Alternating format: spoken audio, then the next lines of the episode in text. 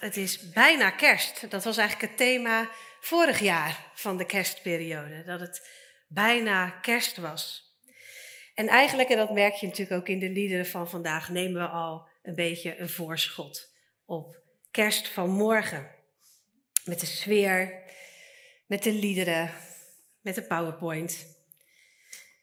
Maar in de wereld hier buiten, in, in de, buiten onze mooi versierde huizen, buiten de muren van onze gemeente, daar is wel veel aan de hand. Over de grenzen, maar ook hier in ons eigen land.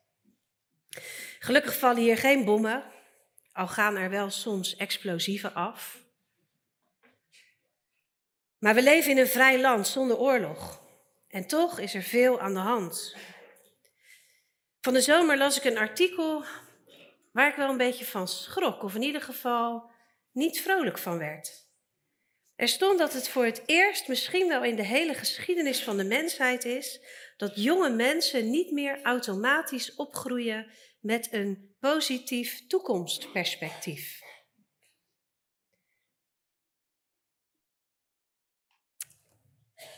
Het is altijd zo geweest dat op de een of andere manier de jeugd altijd wel dacht dat de wereld beter aan het worden was.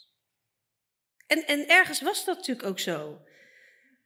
Ik vind en vond dat nogal wat, dat dat voor de jeugd van nu niet meer automatisch vanzelfsprekend is. Het artikel beschreef hoe er altijd uitzicht was geweest op een beter leven. Leven in oorlog had nog steeds uitzicht op het einde en op vrede. Leven in armoede had uitzicht op een beter leven, een beter bestaan. En, en voor de duidelijkheid, ik weet natuurlijk dat het niet altijd voor iedereen zo ver gekomen is. Dat iemand die in oorlog leefde ook de vrede weer meemaakte. Maar het toekomstperspectief was er wel altijd, blijkbaar. In ieder geval volgens de onderzoekers die dat artikel schreven.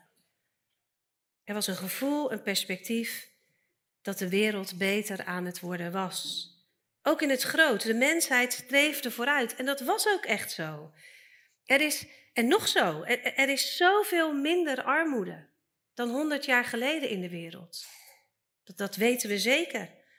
Technologische ontwikkelingen hebben de gemiddelde levensstandaard van mensen zo ver verhoogd. Zoveel meer kinderen in de wereld zijn relatief gezond, krijgen inentingen, volgen onderwijs. Veel meer dan we geneigd zijn te denken. En ondanks de golven van geweld in onze wereld zijn we toch ook gegroeid in hoe we met elkaar omgaan en wat we over het algemeen acceptabel vinden. Ik bedoel, in Jezus' tijd gingen mensen nog als vermaak naar een arena om mensen uit elkaar getrokken te zien worden. Nou, dat vinden we nu toch over het algemeen vrij onacceptabel. Hoop ik. Sterker nog, we zijn in die zin zoveel gegroeid dat we ons nu niet alleen meer richten op hoe we als mensen met elkaar omgaan, maar dat zich dat ook uitstrekt naar de dierenwereld. Ga nog maar eens naar een circus, waar vroeger de olifanten en de tijgers opgesloten in kleine kooitjes zaten om even te performen, zo een kwartiertje op een dag. Dat is niet meer, want dat vinden we niet acceptabel. Er is veel in de wereld mooier en beter geworden. Dus dat perspectief, dat klopte. Maar nu voor het eerst zijn of lijken er in ieder geval zoveel dingen meer uitzichtloos. In het klein weten de meeste jongeren niet eens hoe ze ooit het huis uit moeten komen. Want de huizen zijn onbetaalbaar geworden voor ze. Steeds langer wonen ze thuis omdat ze niet anders kunnen. Op landelijk niveau zijn er steeds meer banen die nauwelijks meer ingevuld worden en die wel echt nodig zijn voor onze samenleving om te functioneren. Banen waar velen zich of te goed voor voelen, of te hoog voor opgeleid zijn en ze daarom niet krijgen. Of banen die zwaar zijn en ondergewaardeerd, waarin mensen met agressie te maken krijgen. En juist op plekken waar je het niet zou verwachten, maar waarvan we weten dat het nu wel zo is, in het onderwijs, in de zorg. Waardoor steeds minder mensen dat willen doen. En, en op dit moment in de tijd levert dat alles nog niet veel meer dan lange wachttijden op. Als je moet wachten op onderzoeken of op een klus in je huis. Tot er iemand beschikbaar is. En, en het leidt tot veel tussenuren op scholen, lerarentekort, vierdaagse schoolweken. Maar het gaat alleen maar grotere problemen opleveren als er niks verandert. En dan is er nog, en dat woog het zwaarst in het artikel, de toestand van de planeet en ons klimaat. Hoewel er ook echt geluiden zijn dat het meevalt, zijn er toch veel meer duidelijke signalen en onderzoeken dat dat niet zo is. Dat als we niets doen, de leefomstandigheden steeds moeilijker zullen worden door de klimaatveranderingen. De grootste zorg wellicht dat drinkwater op steeds meer plaatsen te schaars gaat worden. En dat zou echt voor enorme problemen zorgen. Dat zijn zo een paar van de grote issues, nog los van de oorlogen, die misschien wel dichterbij voelen dan heel lang. En die natuurlijk ook nog andere vraagstukken met zich meebrengen, zoals het vluchtelingenbeleid. Het toekomstperspectief voor onze jonge mensen is niet meer automatisch positief. Ik vind dat nogal wat. Ik vind het bovenal verdrietig. En als ik dat diep tot me door laat dringen, voelt het ook behoorlijk machteloos.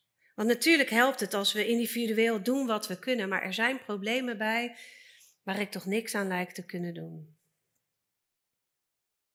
Nu was de wereld waarin Jezus geboren werd natuurlijk ook niet zo'n pretje. Het was bezet gebied. Romeinen aan de macht en het Joodse volk onderdrukt en ze hadden ook nog regelmatig te maken met slechte leiders van hun eigen volk. Er was geweld, er was angst, er was armoede. En een overtuiging dat God niet langer hun koning was als een soort straf. Het, het, het gevolg van hoe ze als volk het maar niet voor elkaar kregen om zich aan de regels van God te houden. Dat hij daarom een soort zijn handen van hun had afgetrokken. En buiten de schriftgeleerden geloofde ook vrijwel niemand dat het hun ooit wel zou lukken om zich aan al die regels te houden. Dus er was ook weinig hoop. En, en ergens, ergens geloofden ze dan wel in een redder, een gezalfde van God, iemand van buitenaf die het op moest komen lossen. Want zij zelf zouden het nooit voor elkaar krijgen. Enerzijds lijkt dat wat op onze tijd. Maar anderzijds hadden zij wel het grote verhaal van een God die zou komen redden. En dat zijn zoveel in onze tijd helemaal kwijt. En dat voedt de machteloosheid en dat negatieve perspectief. Maar wij weten dat die redder kwam. En op een heel bijzondere manier. God kwam zelf. Dat blijf ik zo'n immens groot wonder vinden.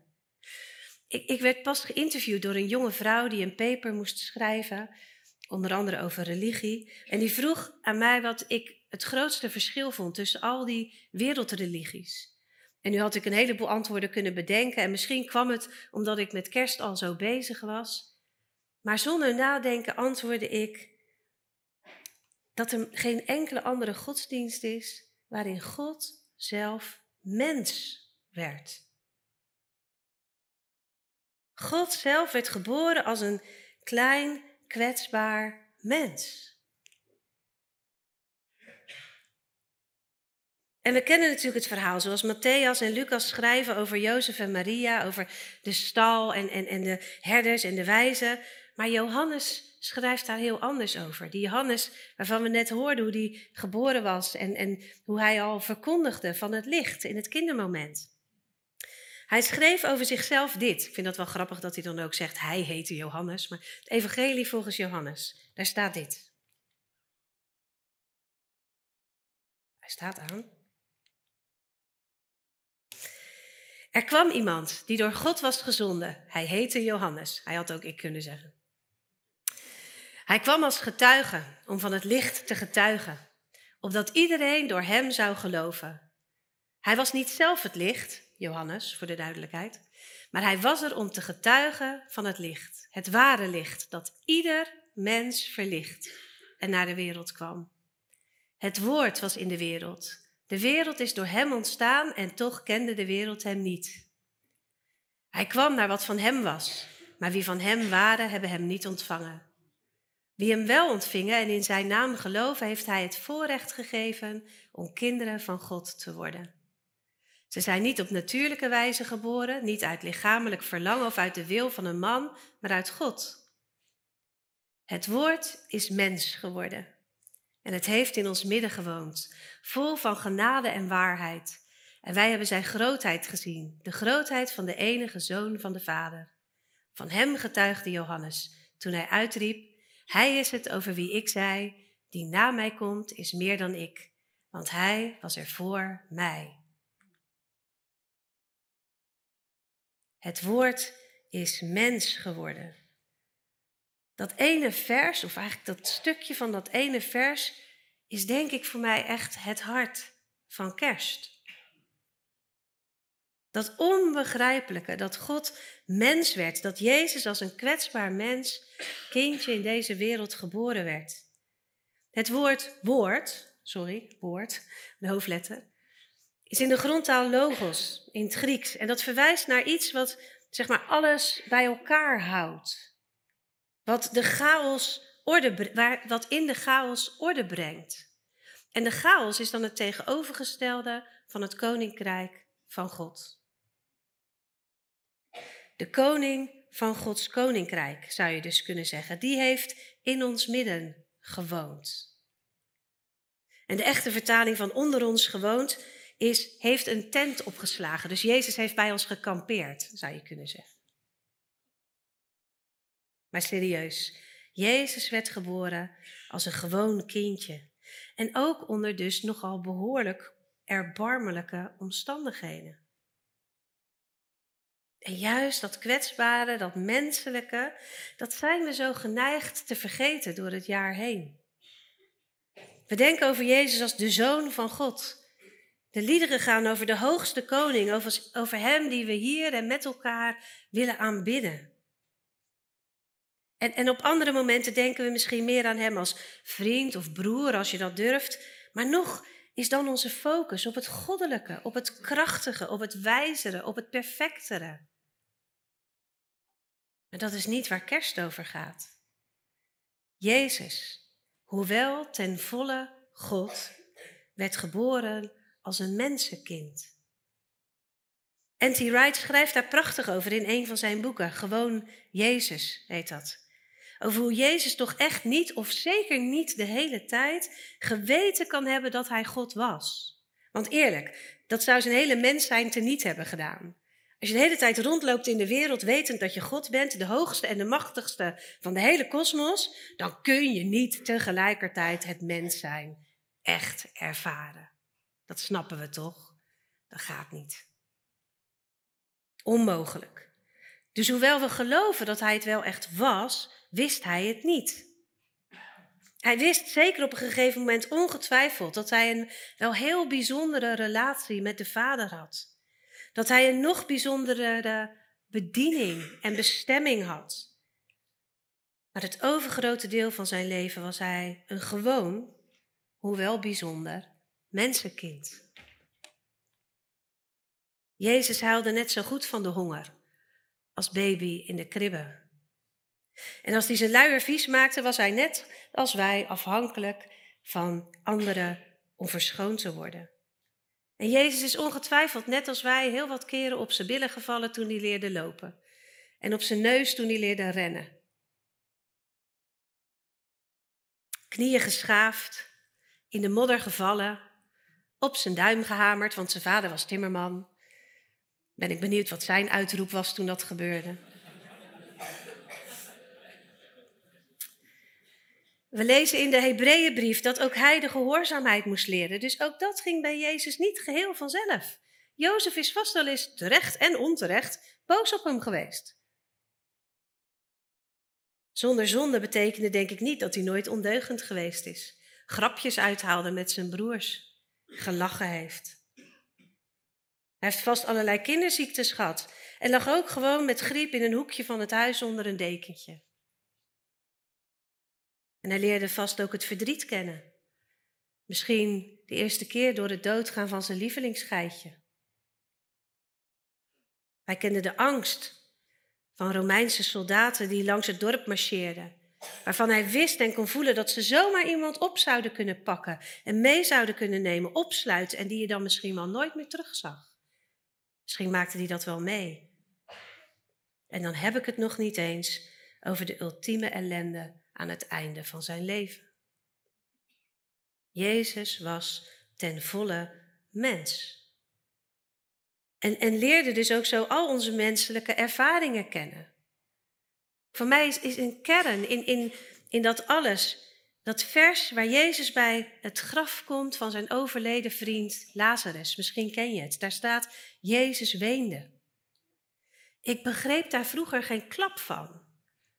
Want ik dacht, je, weet, je bent God, dus je weet toch dat je over twee minuten die man uit het graf tot leven laat komen. Wat heb je nou te huilen? Ja, vond ik echt raar. Maar later begreep ik het. God, voor hij mens werd, kon niet werkelijk begrijpen wat dood, het overlijden van onze geliefde, met ons doet. Hoe verlies en rouw werkelijk voelt. Dat kan je niet voelen op een plaats waar de eeuwigheid is. En oké, eerlijk, ik weet niet of het waar is wat ik nu zeg, maar ik geloof dit echt met mijn hele wezen. Op het moment bij dat graf van Lazarus voelde Jezus, voelde God zelf, misschien wel voor het eerst, hoe het voor een mens is om een ander mens aan de dood te verliezen. De pijn, het gemis. Groter dan hij ooit daarvoor beseft had. En daarom huilde Jezus, tot in zijn ingewanden bewogen staat. Het woord is mens geworden. De hemelse koning daalde af en werd mens zoals wij. Daar gaat kerst ten diepste om, dat hij mens werd en dat hij daardoor in alles deelde wat ons ook overkomt. Dat er niets is in jouw leven wat hij niet begrijpt, wat hij niet kan invoelen, wat hij niet met je kan delen. En dat heeft waarde voor ons. Dat merken we ook zo als mensen onderling, als we onze pijn delen met een ander, als we ons herkennen in, in het verhaal van een ander, dan doet dat iets met ons, iets positiefs. Afgelopen jaar kwamen we hier in de kerk met een kleine groep samen rondom verlies en rouw, waar ieder een eigen verhaal had. Het delen, de, de herkenning en de erkenning, het, het samen dragen maakte het lichter en, en gaf ruimte om daar stappen in te nemen in dat proces van rouw. Komend jaar zal er gelegenheid komen voor mensen die op enige manier met kanker te maken hebben in hun leven. Om hier te komen, te delen, elkaar te vinden en, en, en iets van samen te dragen. We merken het zo kort geleden nog, op, op de laatste zondag van het kerkelijk jaar, als we hen die overleden zijn gedenken. En als we zelf zo rouw ervaren, we zien dan al die mensen naar voren gaan om ook een kaarsje aan te steken. En we zijn ons bewust dat zij net zo goed het verdriet van de rouw kennen. Dat raakt ons. En dan komt zo toch dat gezegde boven, gedeelde smart is halve smart. Als we delen, als we ons in elkaar herkennen, ervaren we verbinding. En wordt de moeite net even iets minder zwaar om te dragen. Gedeelde smart, halve zwart, nou misschien haalt niet de helft weg. Niet altijd. Soms misschien wel meer. En soms iets minder, maar het wordt lichter. Dat vinden we als mensen bij elkaar. En dat vinden we dus ook bij God zelf. God die het ook allemaal kent. Die met je meeleeft. Die het met en zonder woorden herkent en, en waarin jij jezelf mag herkennen. In wat hij meemaakte. De man van smarten werd Jezus vroeger wel eens genoemd. Dat komt ook uit de Bijbel. En dat beschrijft mooi hoe hij pijn kent en onze pijn, onze smart mee wil dragen. Juist door mijn pastoraal werk heb ik het voorrecht die verhalen zo met regelmaat te horen over de moeites in het leven van allerlei soort, waar dan zo God in ervaren wordt. Dat Hij meedraagt door ons gebed of, of door andere mensen. Waardoor hetgeen wat er is niet minder erg wordt, maar wel net iets beter te dragen. En eerlijk, soms zien we het ook juist niet. Juist in onze pijn kan God mijlen ver weg voelen. Maar van buitenaf, als ik dan zo met iemand meeloop, die dat zo ervaart, dan zie ik in ieder geval vaak hoe anderen om hen heen staan. Dichtbij zijn, hoe mensen er voor iemand zijn. Binnen families en zeker ook binnen de gemeente. En dan zie ik daar God in. Gods aanwezigheid, die meedraagt. En als zo'n situatie dan toch soms beter wordt, dan kunnen we ook niet zelden terugkijken. En dan komt bij mij altijd zo dat verhaal, het, wat velen van jullie zullen kennen als gedicht of poster of de bedrukking van een mok, van de voetstappen in het zand. Het bekende verhaal dat iemand op het strand loopt met Jezus, met Jezus naast zich en, en zo terugkijkt op zijn leven. En dan tegen Jezus zegt, u liep steeds naast me. Ik zie steeds twee paar voetstappen in het zand. Maar precies op die momenten dat ik het echt zwaar en moeilijk had, zie ik maar één paar voetstappen. Waarom was u er daar juist niet? Waar was u toen? En dat Jezus dan zegt, juist daar waar het moeilijk was, was het dat ik je droeg. Het woord Degene die alles bij elkaar houdt, die orde brengt in de chaos, het licht wat het duister verlicht, wat ieder mens verlicht, is mens geworden, zoals wij, zoals jij. En het wonder wordt nog groter. Nog groter, het kan echt. Want het verhaal van kerst is niet alleen het verhaal van God en van Jezus die mens werd. Het is ook ons verhaal. Jij hebt er een rol in te spelen. Een, een groot denker, meester Eckhart, uit de 14e eeuw schreef: Wat heb ik eraan dat Maria 1400 jaar geleden de zoon van God baarde? Als ik de zoon van God niet geboren laat worden in mijn tijd en in mijn cultuur. We zijn allemaal bedoeld om moeder van God te zijn. God moet altijd geboren worden. God werd mens in Jezus. Maar Jezus wordt keer op keer mens in jou. Als wij Hem in ons geboren laten worden. Jezus wil in jou ten volle delen in jouw mens zijn. En dan mag jij ten volle delen in zijn God zijn. Dat gaat samen. Door Hem en in Hem en, en door Hem in ons delen wij ten volle in zijn zoonschap, zoals dat dan heet in, in de liefde van God de Vader voor ons. En tegelijkertijd mogen wij dan dus zijn handen zijn.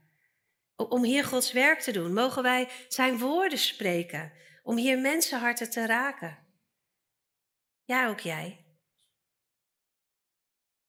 Mogen we op duizend manieren zijn liefde uitdelen aan ieder die het ontvangen wil. Ook jij. God in ons en wij in Hem. Dat is de betekenis voor mij van die naam die de engel aan Jozef gaf. Je zult Hem Immanuel noemen. God met ons. God zo heel dichtbij. Dichterbij dan in jou en jij in Hem kan niet. Dat is God met ons. En, en dat is toch waar we de hoop vinden voor het hier en nu. We kunnen de grote wereldproblematieken niet eigenhandig, zeker niet alleen, oplossen. Maar we kunnen hier en nu God dichtbij brengen. Voor iedereen die we ontmoeten. En zo toch in het klein anderen, ook die jonge mensen, zo uitzicht geven op een betere toekomst. Want in het grote verhaal van God is dat uitzicht op die betere toekomst er wel. Ook al begrijpen we het niet, weten we niet hoe, dat is waar we op hopen, wat we geloven en waar we op vertrouwen. In alles. Door zijn menswording 2000 jaar geleden en door zijn geboorte in jou vandaag, of eigenlijk morgen, maar elke dag opnieuw. God dichterbij dan wij voor mogelijk kunnen houden. Dat is voor mij het hart van kerst. Het hart waar Jezus, de Godmens, geboren wordt en zijn inwoning neemt. Amen.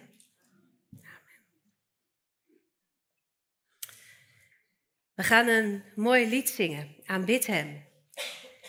En dat brengt voor mij die twee factoren waar ik het zo over had bij elkaar. De kleine kwetsbaarheid, de menselijkheid van Jezus, die wij in zijn grootsheid willen aanbidden.